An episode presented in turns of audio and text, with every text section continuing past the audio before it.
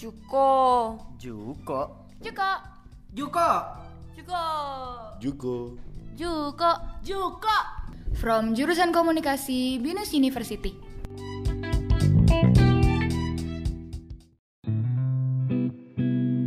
Hai, aku Adeline Margareta. Hari ini aku mau kasih tahu kalian salah satu buku yang sangat menarik. Generation Gapless, Seni Menjalani Relasi Antar Generasi, karya Erwin Parengkuan dan Becky Tumeu.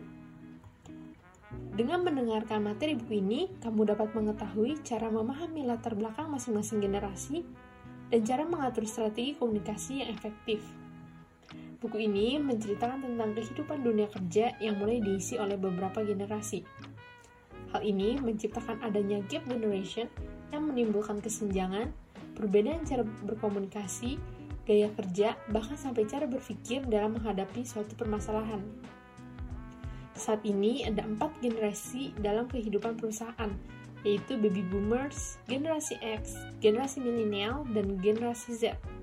Empat generasi ini tumbuh dengan latar belakang yang berbeda yang mempengaruhi mereka dalam banyak hal.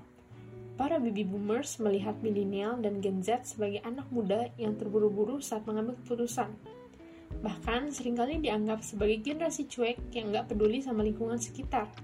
Sedangkan para milenial dan Gen Z menganggap para baby boomers sebagai generasi kuno yang terlalu banyak pertimbangan dan cenderung lambat dalam mengambil keputusan. Nggak ada salahnya kok kalau kita mau mengenal karakter antar generasi dengan lebih dalam lagi. Generasi milenial harus dianggap sebagai anak kandung baby boomers dengan Gen Z berperan sebagai kakak sulungnya. Karena kenyataannya, baby boomers memandang para milenial terlalu berlebihan, sedangkan milenial memandang baby boomers kuno dan membosankan. Milenial memang menguasai pasar, tapi Gen X dan baby boomers belum membimbing mereka. Saat ini, generasi milenial memasuki usia produktif di mana kontribusi mereka dalam berbagai perusahaan mulai terlihat. Milenial menganggap banyak sekali peluang bisnis yang bisa dicapai melalui internet seperti peluang digital marketing.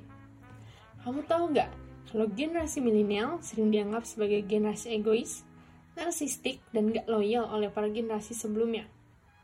Ada beberapa strategi komunikasi yang perlu dipahami, Misalnya, dengan berbahasa basi dapat meningkatkan kepekaan diri dan membangun empati.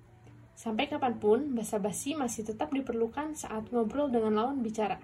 Paling enggak, bahasa basi bisa mencairkan kebekuan suasana. Sedangkan kepekaan terhadap karakter lawan bicara bisa membantu kita untuk menjalin komunikasi yang baik. Masa telah berubah. Gen Z hadir untuk mempersiapkan langkah berikutnya, pada tahun 2025, diperkirakan sebanyak 27% populasi Gen Z akan memasuki dunia kerja. Pesan dari buku ini, pepatah mengatakan setiap masa ada orangnya, dan setiap orang punya masanya masing-masing. Seperti yang disampaikan di buku ini, orang yang mampu bertahan adalah orang yang mampu berkompromi dengan perubahan zaman. Kesenjangan generasi yang terjadi di dunia kerja menjadi hal mendasar yang perlu diketahui. Oleh karena itu, kerjasama yang bersifat sinergis dari komunikasi efektif perlu diciptakan dalam lingkungan tempat kerja.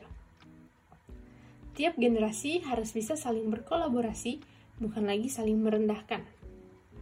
That's all from me, and see you again.